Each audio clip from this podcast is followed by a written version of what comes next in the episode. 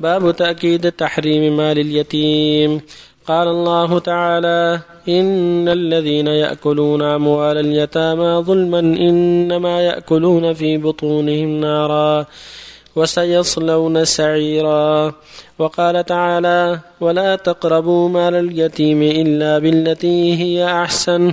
وقال تعالى ويسألونك عن اليتامى.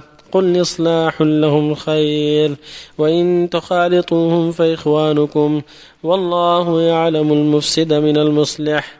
وعن أبي هريرة رضي الله عنه عن النبي صلى الله عليه وسلم قال اجتنبوا السبع الموبقات. قالوا يا رسول الله وما هن؟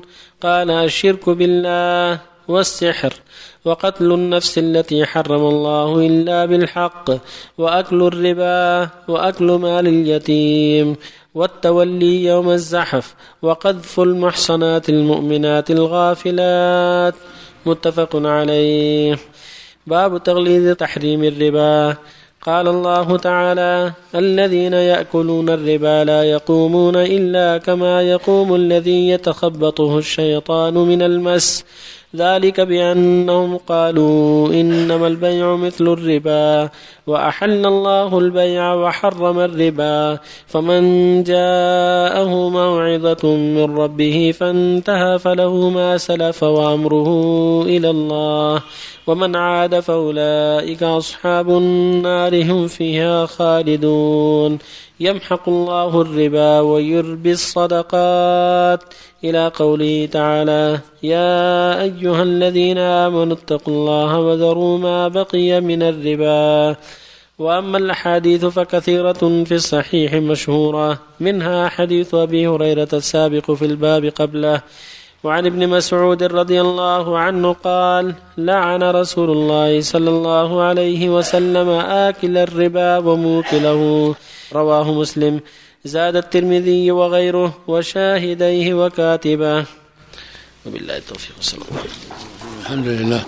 وصلى الله وسلم على رسول الله وعلى آله وأصحابه من اهتدى أما بعد هذه الأحاديث والآيات في تحريم مال اليتيم وتحريم الربا مال اليتيم محترم وهكذا أموال كل المعصوبين محترمة لكن لما كان اليتيم ضعيف لا يستطيع يدافع عن نفسه صار تحريم التعدي عليه أكثر وأشد وإلا فكل مال محترم يجب الحذر من العدوان عليه.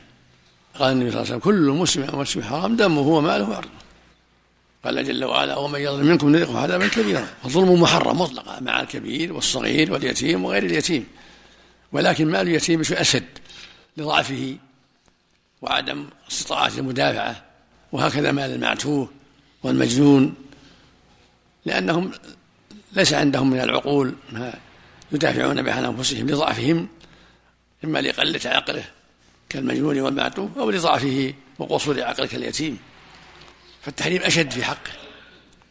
ولهذا يقول جل وعلا إن الذين يأكلون أموال أموال ظلما إنما يأكلون بطون النار وسيصلون سعيرا. ويقول جل وعلا ولا تقربوا مال اليتيم إلا بالتي أحسن حتى يبلغ أشده. ويقول سبحانه ويسألون اليتامى قل إصلاح له خير. وإن تخالطوهم فإخوانكم والله يعلم مفسد من المصلح ولو شاء الله لعنتكم. إن الله عزيز حكيم. فلا بأس بالمخالطة يأكله إياه. ولكن مع حفظ ماله والعناية بماله. وإذا أخذ من ماله بقدر طعامه وشرابه وكسوته فهذا لا بأس به. وهكذا الولي له أن يأكل بالمعروف إذا كان فقيرا. كما قال جل وعلا ومن كان غنيا فليستعفف ومن كان فقيرا فليأكل معروف في مقابل تعبه وعمله. والربا كذلك من أقبح السيئات ومن أقبح المحارم. كما قال جل وعلا الذين يكون الربا لا يقومون إلا كما يقوم الذي يتخبطه الناس ذلك بأنهم قالوا إنما البيع من الربا وأحل الله البيع وحرم الربا. فمن جاءه من ربه فانتهى فله ما سهره إلى الله. ومن عاد فأولئك أصحاب النار هم فيها خالدون. يمحق الله الربا ويربي الصدقات. ويقول سبحانه وتعالى يا أيها اتقوا الله وذروا ما بقي من الربا إن كنتم مؤمنين. فإن لم تفعلوا فأذنوا بحرب من الله ورسوله. تحريمه من أقبح السيئات ومن أقبح الكبائر. ولهذا في الحديث الصحيح المذكور يقول صلى الله عليه وسلم اجتنبوا السبع الموبقات. يعني مهلكات. ولا وما هن يا رسول قال الشرك بالله. هذا أكبر وهو أعظمها الشرك. ثم السحر لأنه من الشرك العبادة لغير الله. لأن السحر يتوصل إليه بعبادة الشياطين والجن.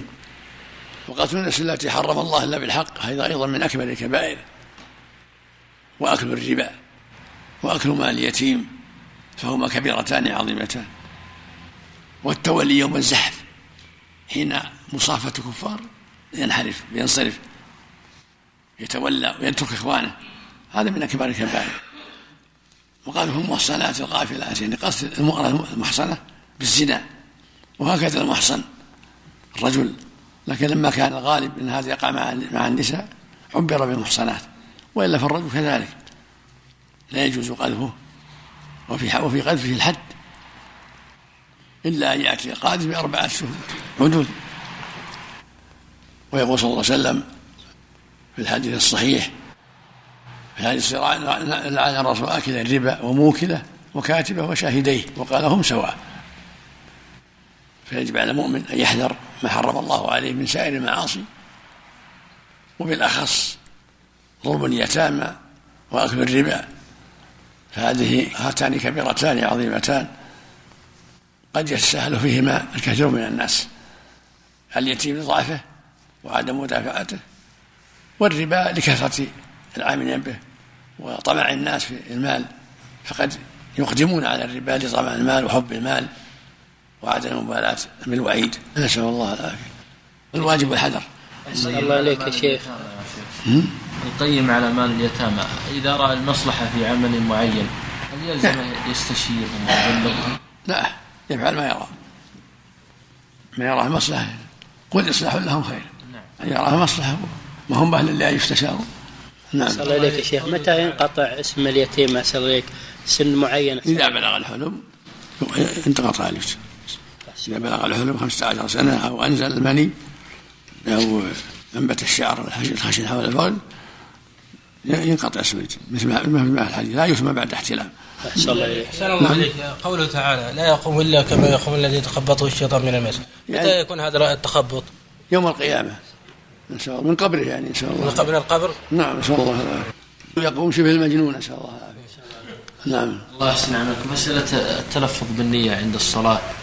هل هناك أحد كتب فيها مستقلة مدعم بالأدلة والرد عليها؟ لأنها الله يحسن عملك كثرت. من جملة البدع هي من جملة البدع. ما كان يتلفظ بالنية ولا أصحابه بدعة. كن نويت أن أصلي كذا ونويت أن أطوف ما لها أصل النية محلها القلب إلا في الحج. يقول لبيك عمره لبيك حجة صرح. كما صرح النبي صلى الله عليه وسلم. الله يحسن عملك. قوله تعالى فأذن بحرب من الله. يعلم يعني نوع الحرب هذه. إشارة إلى شدة الكبيرة شدة المعصية.